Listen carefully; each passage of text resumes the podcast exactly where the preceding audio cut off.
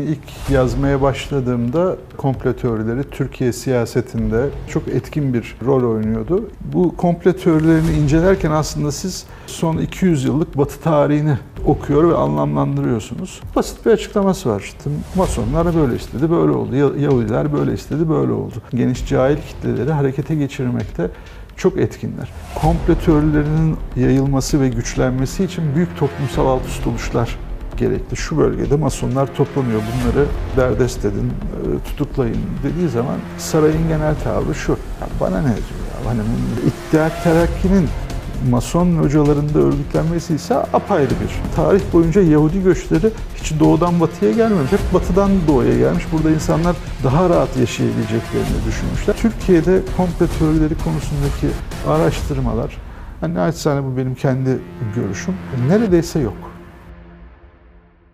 Oda Kitap'tan herkese merhabalar. Ben Oda Kitap editörü Cansu Karakuş. Bu hafta Haluk Hepko'nun Komplo Teorileri Tarihi kitabını konuşacağız. Kitap Kırmızı Kedi Yayın Evi'nden tekrar basıldı ve konuğumuz yazarı Haluk Hepkon olacak. Haluk Bey hoş geldiniz. Hoş bulduk. Komplo Teorileri Tarihi kitabını yazmaya nasıl karar verdiniz? Bu fikir nasıl ortaya çıktı? Öncelikle bunu sormak istiyorum. İlk yazmaya başladığımda doğal olarak komplo teorileri Türkiye siyasetinde, gündelik hayatta, Türk politikasında çok etkin bir e, rol oynuyordu. İlk olarak şöyle bir rahatsızlıkla başladım. Komplo teorisi dendiğinde, hani gündelik dilde çok sık kullanmamıza rağmen komplo teorisi lafını, e, hemen hemen herkesin farklı bir anlam yüklediğini, farklı bir şey anladığını gördüm. Dünyayı uzaylılar yönetiyor, işte masonlar yönetiyor, Yahudiler yönetiyor gibi saçma sapan teorileri e, söyleyenler de komplo teorisyeni olarak e, ifade ediliyor. Bunların ürettiklerine de komplo teorisi deniyordu. E, fakat işte Amerika Birleşik Devletleri'nin işte Orta Doğu'da, Ukrayna'da, dünyanın herhangi bir yerinde kötü planları var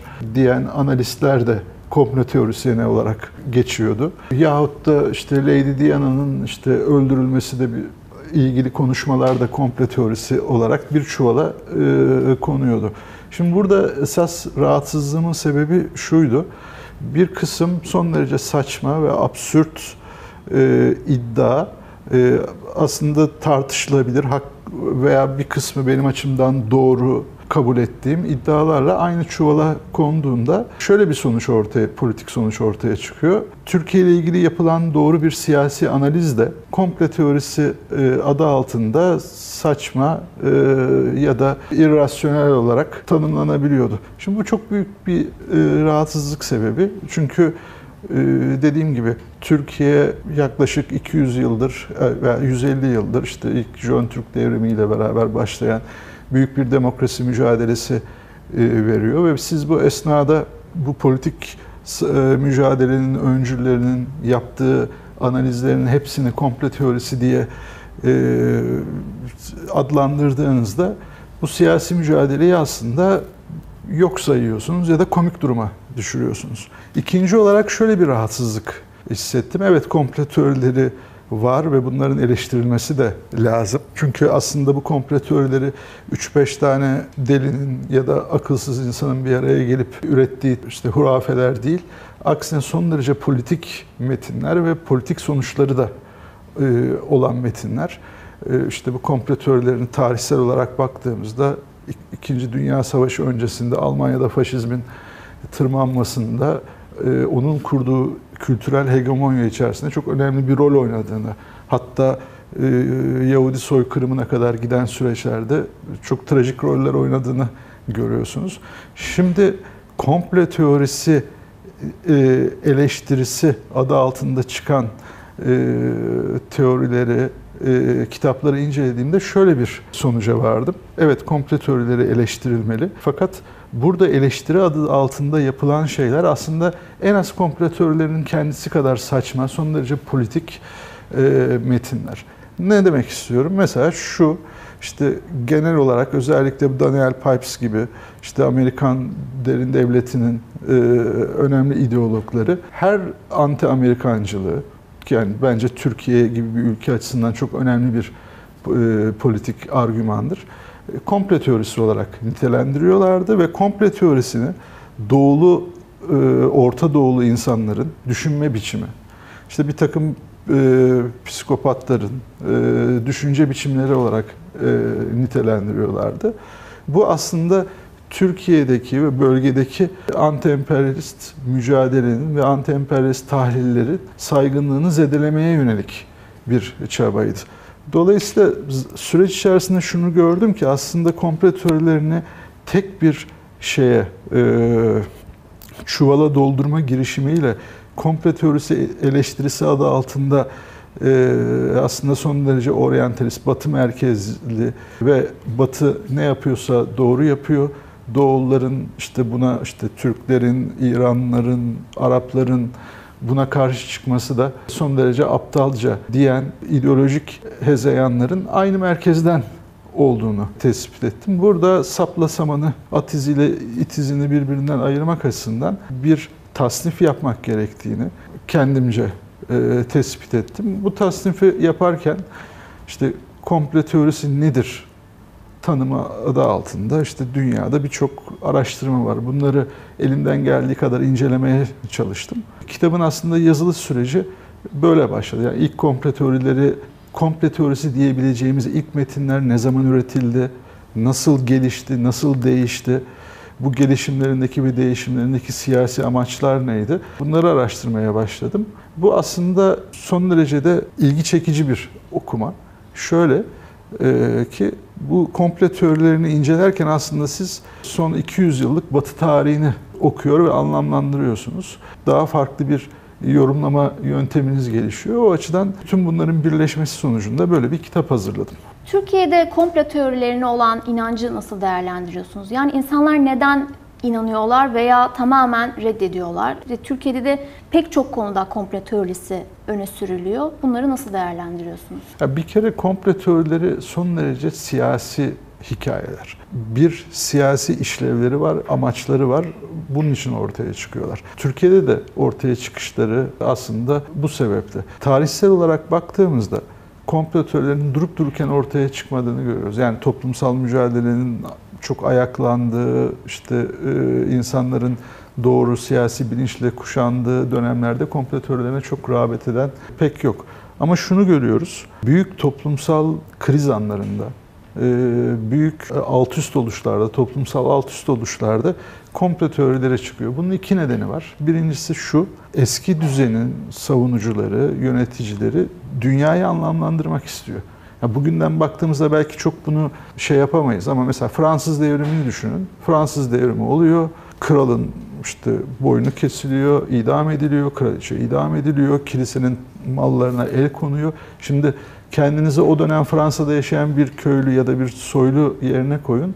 Bu aslında o güne kadar sizi ayakta tutan e, dünyanın manasını ortadan kaldıran bir şey. Bir mana vermek zorundasınız. Yani ne oluyor? Ne bitiyor? Nereye gidecek bu işin sonu gibi. Şimdi komplo teorileri bu çok karmaşık siyasi süreçlere çok basit açıklamalar yapıyor. Şimdi birinci olarak basitlikleriyle insanları etkiliyor. Yani işte niye bu devrim oldu? Niye insanlar ayaklandı? İşte niye böyle oldu? Basit bir açıklaması var. İşte Masonlar böyle istedi, böyle oldu. Yahudiler böyle istedi, böyle oldu. Bir o insanların cehaletine e, çok hitap ediliyor. İkincisi son derece siyasi işlevleri var ve insanları, kitleleri, geniş cahil kitleleri harekete geçirmekte çok etkinler. Yani yine Fransız devriminden örnek verelim. Siz işte karşı devrimci köylüleri ayaklandırmak için uzun uzun politik broşürler yazmanıza gerek yok. Onlara işte masonlar geldi, Jacobenler geldi. Bak mahvettiler bizi. Hadi ayaklanalım, kralı, kiliseyi kurtaralım dediğiniz zaman bu e, son derece etkili oluyor. Şimdi e, demin dediğim gibi yani komple teorilerinin yayılması ve güçlenmesi için büyük toplumsal alt üst oluşlar gerekli. Yani Türk tarihine baktığımızda da aslında 1908 devriminden sonra, Jön Türk devriminden, ikinci meşrutiyetin ilanından sonra ilk defa Türkiye'de komplo teorileri ortaya çıkıyor. Son 15-20 e, yıllık süreç içerisinde komplo teorilerinin ortaya çıkışı aslında tersten bir bakış açısıyla bakarsak Türkiye'de büyük bir toplumsal krizin olduğunu gösteriyor. Ne demek istiyorum? Son 20 yılda Türkiye'de Cumhuriyet devriminin tüm kazanımları ortadan kaldırılmaya çalışılıyor. Bir rejim aynı işte Fransa'daki işte eski rejimin ortadan kaldırılması yani Cumhuriyet'in kurulması gibi bu sefer tersten daha ileri bir rejim daha geri bir rejim tarafından kuşatılıyor ve yeni bir şey kurulmaya çalışılıyor. Şimdi bu yeni şeyi kurarken bir insanlara bir şeyler söylemek zorundasınız. Yani bunu bir anlamlandırmak zorundasınız. Niye sen bunları yapıyorsun? Niye sen bunları yapıyorsun cevabı şurada. İşte Türkiye'yi aslında Türkiye ile bu topraklarla hiçbir alakası olmayan, hiçbir milli bağı olmayan bir azınlık grubu işte Masonlardan, Yahudilerden, Selanik dönmelerinden oluşan bir Yahudi kurum, Yahudilerden oluşan bir azınlık yönetiyordu. Biz şimdi iktidarı bunlardan alıyoruz ve siyah Türklere veriyoruz. Beyaz Türklerden alıyoruz, siyah Türklere veriyoruz. Kullanılan ifade de aslında 20 sene önce buydu. Bütün yaptıklarımızın sebebi bu deniyor. Bir bu açıdan önemli. İkincisi de kitleleri harekete geçirmek açısından. Yani bu yeni rejimin kitleleri harekete geçirmek, onlara basit anlayabilecekleri hedefler koyması açısından kompletörleri çok biçilmiş bir kaftan. Şundan da bahsetmek lazım burada. Komplo teorilerinin yayılması son yıllarda dünya çapında yayılmasında aslında internetin çok büyük bir önemi var ve dünyada bir sürü araştırmacı bunu araştırıyor. Yani komplo teorileri nasıl yayılmasında e, internetin nasıl bir etkisi var? Yani işte bu aşırı sağcı, işte neonazi örgütlenmeler burada örgütleniyorlar, birbirleriyle buluşuyorlar, e, fikir alışverişinde e, bulunuyorlar, kendi fikirlerini tırnak içinde derinleştiriyorlar. E, şimdi günümüzde de sosyal medya üzerinden, internet üzerinden Türkiye'de etkin olmasıyla beraber böyle bir süreç yaşanıyor.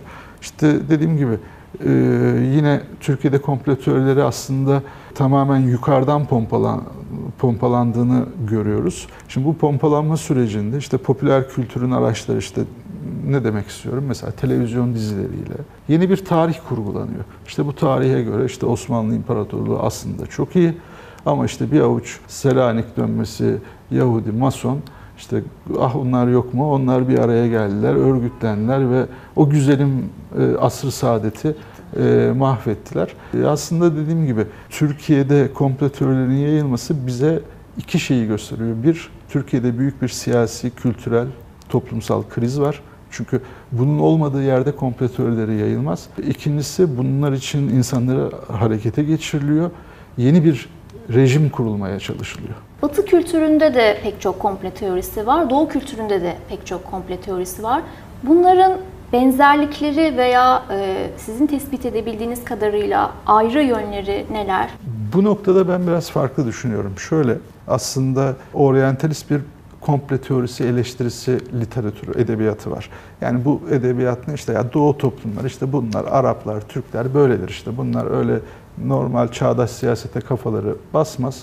Dünyayı böyle komplolarla vesairelerle açıklamak, açıklarlar diyorlar. Şimdi tabii Türkiye gibi bir ülkede işte 12 Eylül yaşamış bir sürü komployu, suikastı yaşamış bir ülkede bu e, son derece saçma. Bu anlamda şöyle bir kanı oluştu ama komplo teorileriyle Doğu toplumları arasında bir eşitlik, bir özdeşlik gören bir anlayış oluştu. Aslında e, bu doğru değil tarihsel olarak baktığınızda. Türkiye'de yani Osmanlı İmparatorluğu'nda hatta Orta Doğu'da komplo teorilerinin yayılması, komplo teorilerinin e, etkili ve güçlü hale gelmesinin ebesi yani bu işi e, hazırlayan kuvvet aslında tamamen Batı. Zaten burada şuna bakmak bence yeterli. Komplo teorilerindeki ana motiflerin Doğu toplumlarında bir karşılığı yok. Yani tapınak şövalyeleri bu topraklarda hiç olmadı. Illuminati yani bu işte Almanya'ya, Bavyera'ya e, has bir örgütlenme, Avrupa ta aydınlanmasına has bir örgütlenme. Masonlar yine hakeza öyle.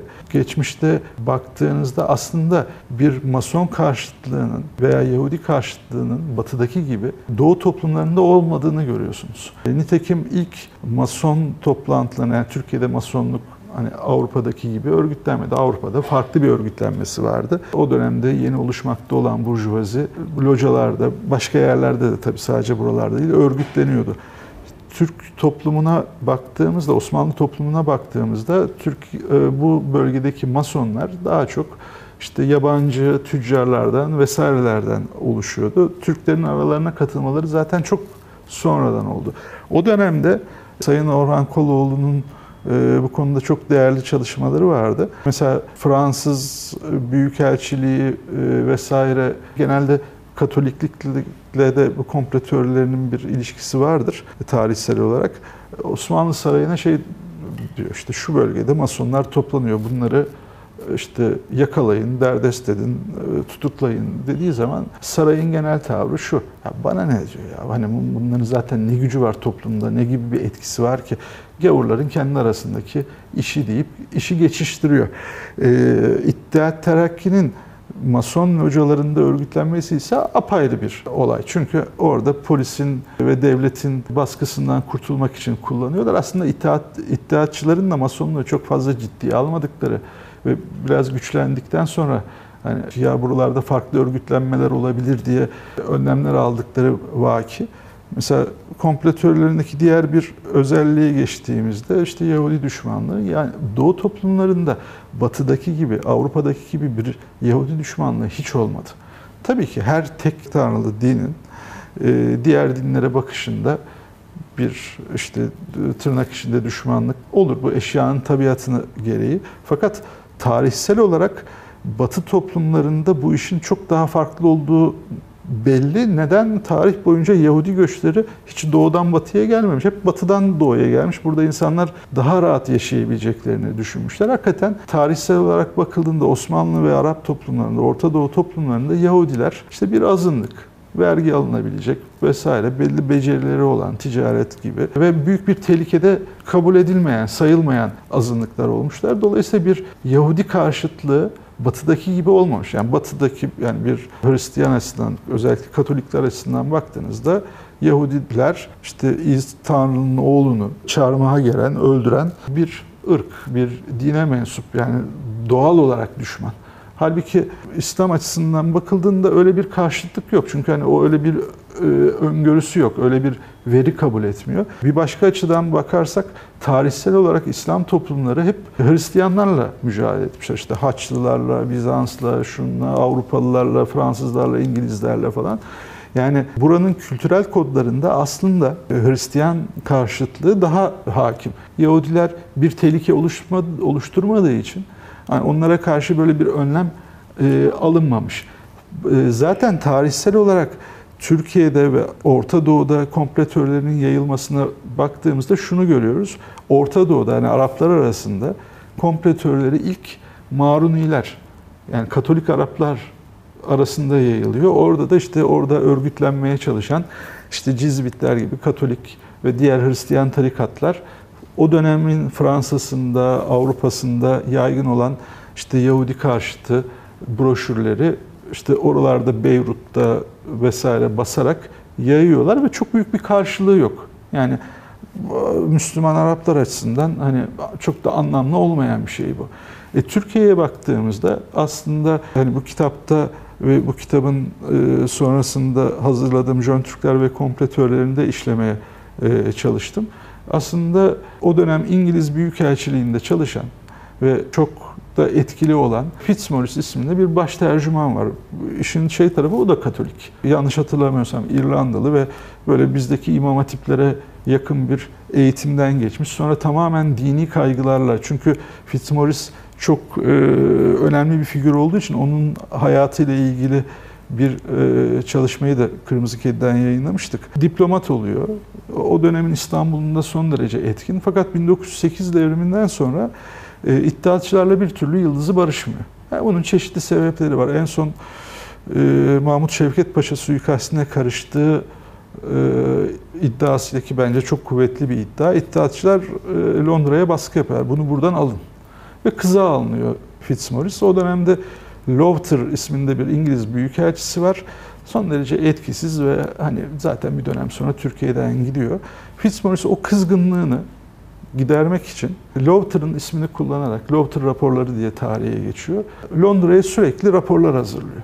Yani bu raporların özelliği aslında işte o dönemin Avrupa'sında hakim olan Fitzmaurice'in kendi eğitiminde de çok belirgin izleri olan kompletörlerin izlerini taşıyor. Ne diyor? İşte dinsiz, mason, e, Yahudi, e, iddiatçılar geldiler, işte iktidarı ele geçirdiler. büyük bir dünya şeyine hazırlanıyorlar. Dünya ihtilaline hazırlanıyorlar vesaire. Şimdi o dönemki yazışmalardan ve Fitzmaurice hakkında çıkan kitaplarda o dönemki yazışmaları net bir biçimde görebiliyoruz. Londra aslında o dönemde bunu biraz gülümseyerek karşılıyor. Yani işte Fitzmaurice tabii şimdi hani iddiatçılarla arası da şey zaten bunun hani e, şeyi belli. E, eğitimi vesairesi belli. E, raporları tasnif ediyorlar sadece. Yani raporları arşivliyorlar. Fakat bir dönem sonra e, tabii bu e, hislerinin antisemit, Yahudi düşmanı, Mason karşıtı hislerinin sadece Fitzmaurice'le sınırlı olduğunu düşünmemek lazım. Mesela Sykes-Picot Anlaşması'na ismini veren Mark Sykes da Fitzmaurice gibi düşünen ve işte dünyayı büyük bir Yahudi planı tarafından işte işgal edileceğini düşünen bir adam. Yani bunlar aslında dünya siyasetinin oluşmasında çok da etkili oluyorlar. Londra e, o dönemde Mark Sykes'in ya da Fitzmaurice'in raporlarını çok önemsemiyor. Ne zaman önemsiyor? İşte dediğim gibi büyük bir toplumsal kriz yani Türkiye'de padişahı, halifeyi siz iktidardan alıyorsunuz, meşrutiyeti ilan ediyorsunuz. Bir grup geliyor. Yani şimdi demin o Fransız devrimiyle ilgili verdiğim şeyleri düşünün. Ya işte Tanrı'nın yeryüzündeki gölgesi kalktı. Şimdi bir parlamento var. Nasıl olacak? Kutsal ne? Eski kutsal ne, yeni kutsal ne? İnsanların büyük bir mana arayışında olduğu bir dönem. Bu dönemde iddiatçılar işte Birinci Dünya Savaşı patlıyor arkasından bu büyük toplumsal krizin üzerine. Ee, ve iddiatçılar cihat çağrısında bulunuyorlar. Şimdi cihat çağrısı evet sonuç çok büyük sonuçlar vermedi ama ilk ilan edildiği dönemde İngiltere'de çok büyük bir korkuyla karşılanıyor. Çünkü Araplar ve en önemlisi Hindistan'da e, büyük bir destek göreceğini düşünüyorlar. Ki Hindistan burada asıl kilit sorun. Çünkü Hindistan İngil, İngiliz emperyalizmi, İngiliz imparatorluğu için çok kilit bir nokta. Ve oturup harıl harıl buna karşı ne yapabiliriz diye düşünmeye başlıyorlar. İşte Mısır'da Arap bürosu kuruluyor vesaire. O sırada akıllarına şey geliyor. E, Fitzmaurice'in raporları geliyor. Diyorlar ki ya biz bu raporlardan nasıl faydalanabiliriz? Bunları broşür halinde getirip hem Hindistan'da hem de e, Arap ülkelerinde, Mısır'da, diğer Arap ülkelerinde dağıtıyorlar. Yani bunlar da özetle şu deniyor, Müslümanlar siz bu cihat çağrısını ciddiye almayın. Neden almayın? Çünkü sizin halifeniz aslında bir avuç Yahudi Mason elinde tutsak. Dolayısıyla bu çağrının sizin açınızdan kabul edilebilir bir tarafı yok. Hatta ve hatta siz bu padişahınıza, halifenize yardım etmek istiyorsanız bizim yanımızda iddiatçılara, bu Mason Yahudi iddiatçılara karşı mücadele etmeniz gerekir diyor. Tabi o dönemde bir şey daha yaşanıyor. Ya dedim ya toplumsal krizler, büyük toplumsal atışlar, Ekim devrimi. Yani Ekim devrimi tabi o dönemde Bolşevikler içerisinde, Menşevikler içerisinde de bir sürü Yahudi var. Bu da eşyanın tabiatına çok uygun. Çünkü en çok ezilen insanlar o ve hani düzeni değiştirmek için en çok mücadele etmesi gereken insanlar da onlar. Öyle de yapıyorlar zaten. E, Ekim devriminin yarattığı e, büyük bunalım, kriz, toplumsal çünkü ilk defa komünistler işte 1830-48 devrimleri oluyor. Arkasından birinci internasyonel kuruluyor. Paris Komünü zaten Avrupa işte o Marx'ın işte Avrupa'nın üzerinde büyük bir hayalet dolaşıyor dediği dönem. Ve arkasından ilk defa ete kemiğe bürünüyor. Yani bir ülkede iktidarı ele alıyorlar. İngiltere o dönemde kendi yarattığı puta, hani çok tuhaf ve tarihsel bir tuhaflık aslında ironi kendi yarattığı e, puta tapmaya başlıyor. Yani şöyle e, önce İngiliz e, hani bu Yahudi komplosu şeyini yaratıyorlar. Aslında Fitzmaurice, Mark Sykes gibi insanların çok ciddiye alınmadığını düşünüyorlar ama dediğim gibi şu iklimi de düşünmek lazım. Yani bundan bundan 10-15 sene önce Fransa'da Dreyfus davası patlıyor. Yani bugünkü şeylerle ölçebileceğiniz bir e, dönem değil ve insanlar hakikaten ya bir Yahudi uluslararası Yahudi lobisi var ve bunlar çok güçlü e, iktidarı ele alacaklar düşüncesi İngiliz hariciyesinden İngiliz hükümetine kadar yansıyor. O dönemde Churchill'in bile işte Nesta Webster gibi ünlü İngiliz komple teorisyenlerinin e, işte Yahudilik karşıtı yazdığı broşürlere gönderme yaptığını biliyoruz.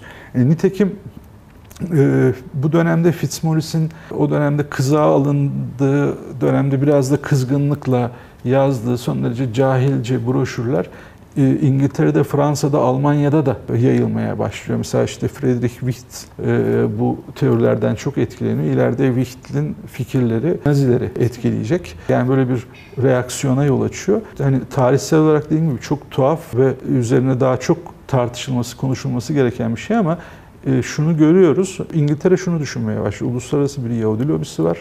Var artık. Bu çok güçlü. Bizim bununla baş etmemiz mümkün değil. Yani dediğim gibi kendi yarattığı puta tapıyorlar. O zaman bükemediğimiz eli öpelim. Nasıl yapalım? Bunlarla bir anlaşma yapalım. Ey Yahudiler siz işte bu Bolşevikleri aslında siz yönetiyorsunuz biz biliyoruz. Bunları bize karşı savaştırmayın çünkü savaşın da kitlendiği bir dönem evet. Orta Doğu'da. Dünya çapında bizle beraber olun diye. Hatta o dönemde Londra'da örgütlü olan Siyonistlerle e, görüşüyorlar. Siyonistler bile kendi iç yazışmalar şaşıyorlar. Ya deli mi bunlar diyorlar. Yani o dönemde Siyonistler Birliği'nin işte neyse o dönemki ismi bir oda böyle bir bütün arşiv bir bavula sığıyor falan. Karşı taraftan İngiliz hükümetinden böyle bir şey geldiği zaman adamlar ciddi ciddi şaşıyorlar ve hiç bozuntuya vermeden tabii tabii biz ilgileniriz demeye başlıyorlar. Ve Balfour Deklarasyonu çıkıyor. Eğer siz bize yardım ederseniz biz size ileride toprak vereceğiz. İsrail'in kurulmasına giden yol aslında çok tuhaf, ironik bir biçimde, komik bir biçimde antisemitizmden Hayır, besleniyor. Yani bütün bunları niye anlattım? Mesela ben yıllarca e, aslında yorucu da bir süreç bu. Yani bir sürü deli saçması şeyi okuyorsunuz. İşte bunu ilk kim söylemişti, nereden etkilenmişti, sonra nereye etkili oldu falan filan diye. Bütün bu külliyatı tararken ben Doğu toplumlarında oluşmuş orijinal bir komple teorisi hiç görmedim. Yani Doğu toplumları Araplar, Farslar ve Türkler açısından baktığınızda komple teorisi tamamen bir ithal kalemi. Fitzmaurice'in yazdıkları, işte oradaki bir takım e, Katolik tarikatların yaydığı ucuz broşürler üzerine önce iddiatçıların düşmanları yani rakipleri bunları kullanmaya çalışıyorlar. Sonra Araplar arasında Osmanlı karşıtlığı için kullanılıyor ve tabi İsrail'in kurulması, dünyada sosyalizmin geri çekildiği bir dönem, işte İslamcı hareketlerin yükseldiği bir dönem bir de şimdi geçmişte olmayan bir tehlike yani Yahudiler İslam toplumları için hiçbir zaman bir tehlike, tırnak içinde tehlike yok ama bir gün bir bakıyorsunuz İsrail kuruluyor ve o noktadan sonra iş tabii başka bir e, seyre doğru geçiyor. Ama buna rağmen şunu rahatlıkla söyleyebiliriz. Bugün komple teorisi adı altında tasnif ettiğimiz, okuduğumuz bütün literatür neredeyse noktasına, virgülüne kadar hatta atıyorum Selanik dönmeleriyle vesaireyle ilgili literatür de buna dahildir. Batıdaki komple teorisyenleri tarafından üretilmiştir. Biz de sonradan bunu ithal etmiş ve kendi politik koşullarımıza uygulamışız. İşte bugünkü hükümetin işte o e, zamanında yarım akıllı Fitzmaurice'in söylediği şeylerle oturup yeni bir düzen e, teşkil etmesi, sermayenin el değiştirmeyi sağlaması için kullanması gibi. Teşekkür ederim. Kitapta geçen bölümlerden birisi de Atatürk'ün ölümüyle alakalı olan bir komple teorisi. Bununla ilgili neler söylemek istersiniz? Cumhuriyetin kuruluşu da böyle bir şey. Yani büyük bir toplumsal krizin dönüş, e, sonucunda büyük bir devrim oluyor, bir dönüşüm oluyor. E, bu dönemde maalesef komple teorileri o kadar güçlü ve etkili motifler ki yani sadece gerici diye tabir ettiğimiz kesimleri etkilemiyor. Zaman içerisinde biraz da popüler kültürün etkisiyle, internet, günümüzde internetin etkisiyle e, siyasetin her köşesine biraz sızma eğilimi içerisinde. Örnek vermek e, gerekirse büyük e, hani Türkiye'de aslında muhalif kesim içerisinde bile bu türden zırvaların zaman zaman kullanıldığını ama iyi niyetli ama kötü niyetli hani kuşkusuz onlar gericiliğe hizmet etmek açısından kullanmıyorlar ama kullanıldığını görüyoruz. Yani burada belki bir noktanın altını çizeyim geçmeden e, komplo teorileri tuhaf bir silahdır. Tek yönlü gidiştir. Siz onu hangi niyetli olursa olsun kullanmaya başlarsanız başlayın. Bunun gideceği yer gericiliği güçlendirmektir. Yani bu sizin niyetinizden bağımsız bir şey. Şimdi e, Atatürk'le ilgili de birçok şey yapıldı. Bu biraz zamanın ruhuyla da alakalı. Hani Atatürk'ün e, masonlar tarafından öldürüldüğün önce işte aslında Yahudi, Mason olduğu söylendi. Sonra Masonlar tarafından öldürüldü söylendi. Hatta dediğim gibi bu literatür taramaları esnasında hani uzaylılarla ilişkisine kadar bir sürü e, saçma şeyi gördük. Yani o dönemde Atatürk'ün ölümüyle ilgili ben bilinmeyen bir şey olduğu kanaatinde değilim. Yani hani hiç bu konudaki okumalarımda veya ciddiye alınır tarihçilerde böyle bir itiraz e, görmedim. Yani e, Masonlar tarafından öldürüldüğüne yönelik işte 1900, 2000'li yıllarda çıkan iddiaları ve hurafeleri aslında ben farklı türden bir Atatürkçülük inşası olarak görüyorum. Yani şimdi bir şey var, büyük bir tehlike var. Siz bu herkes kendi bulunduğu noktadan bir Atatürkçülük tarifi yapıyor. İşte e, bu da bir tür Atatürkçülük tarifi var. İşte günümüzde bazı tarikatların vesaire işte Atatürk'ün uzaylılarla ilgisi olduğunu düşünüyor. O işte öyle bir Atatürkçülük geliştirmek istiyor. Hani kendisini öyle anlamlandırmaya çalışıyor. Bir e, kısım da sanırım hani aslında bunun altını kazıdığımızda Atatürk'ün işte masonlara, şunlara bunlara düşman bir adam olduğunu lider olduğunu öne sürmek istiyorlar. Yani bunu şöyle de anlamda anlamlandırmak mümkün. İktidar tarafından o kadar çok işte Atatürk Masondu, Yahudiydi diye açık ya da imalı bir biçimde yayın yapılıyor ki maalesef şöyle bir geri noktadan işte ya ne masonu onu masonlar öldürdü. Masonlarla alakası olur mu türü e, tuhaf savunmalar da gündeme gelebiliyor ama Atatürk'ün böyle şeylere ihtiyacı yok. Atatürk'ün zaten o konularda tavrı, yazılarıyla, e, yaptıklarıyla ortada. Teşekkür ederim. Benim sorularım burada sona eriyor. Son olarak eklemek istedikleriniz varsa bunları alabilirim. E şunu söyleyeyim, komplo teorileri aslında bence e, kadar iki kitap yazdım. Bir sürü sağda solda yayınlanan makalem oldu. Çok ilginç kavramlar. Yani bu Batı açısından da Türkiye açısından da böyle. Hatta ben hep şu örneği veririm. Son derece canlı anlatılardır. Aslında Fransız devriminden bugüne kadar ki baktığınız zaman bütün komplo teorilerinde bir birçok ortak nokta var.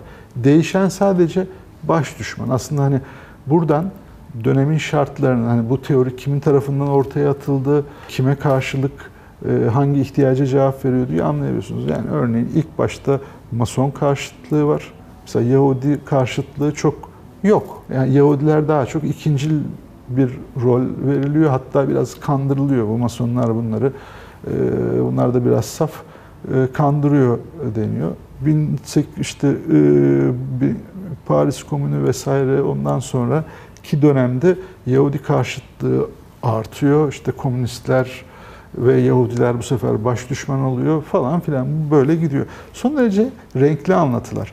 Ben hep şu örneği veririm. Şimdi Umberto Eco'nun benim en sevdiğim eserlerindendir aslında. Hem Foucault'un sarkacı, Foucault sarkacı hem de e, Prag mezarlığı.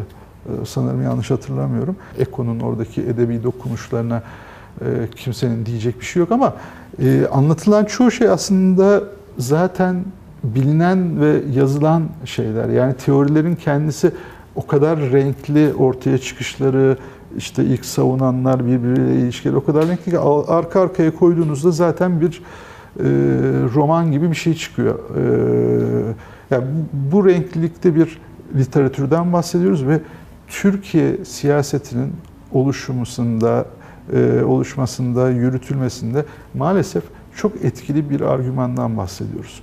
Şimdi Türkiye'de komplo teorileri konusundaki araştırmalar, hani naçizane bu benim kendi görüşüm, neredeyse yok. Yani uluslararası literatürü takip eden yok. Ben mesela izleyebildiğim kadarıyla şunu biliyorum. Yani mesela yurt dışında Masonluğun, e, işte Mozart'ın senfonilerindeki etkisi vesairesi tartışılıyor. Halbuki Türkiye'de bu konuda e, hafızasız bir toplum olduğumuz için çok ciddi araştırmalar yok. Halbuki bizim hayatımızı hani Avusturyalılardan çok daha fazla veya Almanlardan çok daha fazla etkiliyor komplo teorileri. Hani gönül ister ki bu konuda daha fazla araştırma çıksın. Çünkü dediğim gibi komplo teorisi aslında bir hastalığın semptomu ateş gibi, baş dönmesi gibi. Yani onu gördüğünüz yerde, bu semptomları gördüğünüz yerde bir hastalık olduğundan bahsedebiliyorsunuz ve o hastalığın teşhisi ve tedavisi konusunda da bilgi alabiliyorsunuz. Yani bu insanlar niye şu grubu Yahudileri düşman ilan etti? Niye Selanik dönmelerini düşman ilan etti? Teorilerindeki sıkıntılar ne?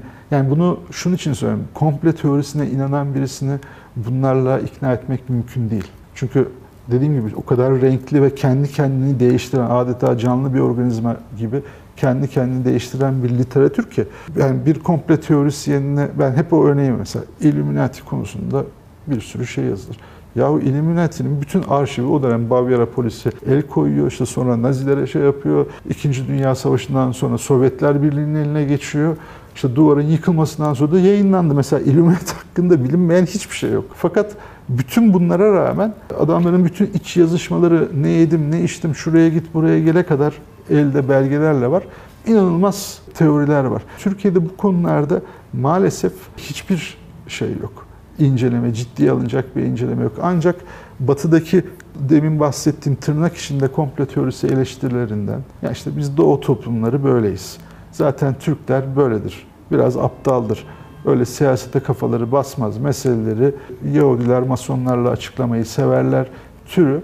Yani bizim toplumumuzun da hak etmediği bir ilkellikle komple teorisi eleştirisi yapılıyor. Halbuki dediğim gibi komple teorilerini okurken biz o teorilerin ortaya atıldığı toplumlar hakkında da çok değerli bilgiler alıyoruz. Gönül ister ki bu konudaki araştırmalar çok daha fazla yapılsın. E çünkü dediğim gibi komple teorisine inanan birisini ikna edemezsiniz. Yani ya senin söylediklerine ilgili kanıt yok dediğiniz zaman o şunu söyleyecektir. İşte görüyor musun komplonun büyüklüğünü? Adamlar o kadar örgütlü ki geriye kanıt bile bırakmıyorlar. Yani bu delilikle tartışmanın bir anlamı yok ama toplumu ikna etmek açısından bu hikayelerin örgülerini, amaçlarını, işlevlerini araştırdığımızda toplumu ikna etmek açısından önemli adımlar atabiliriz.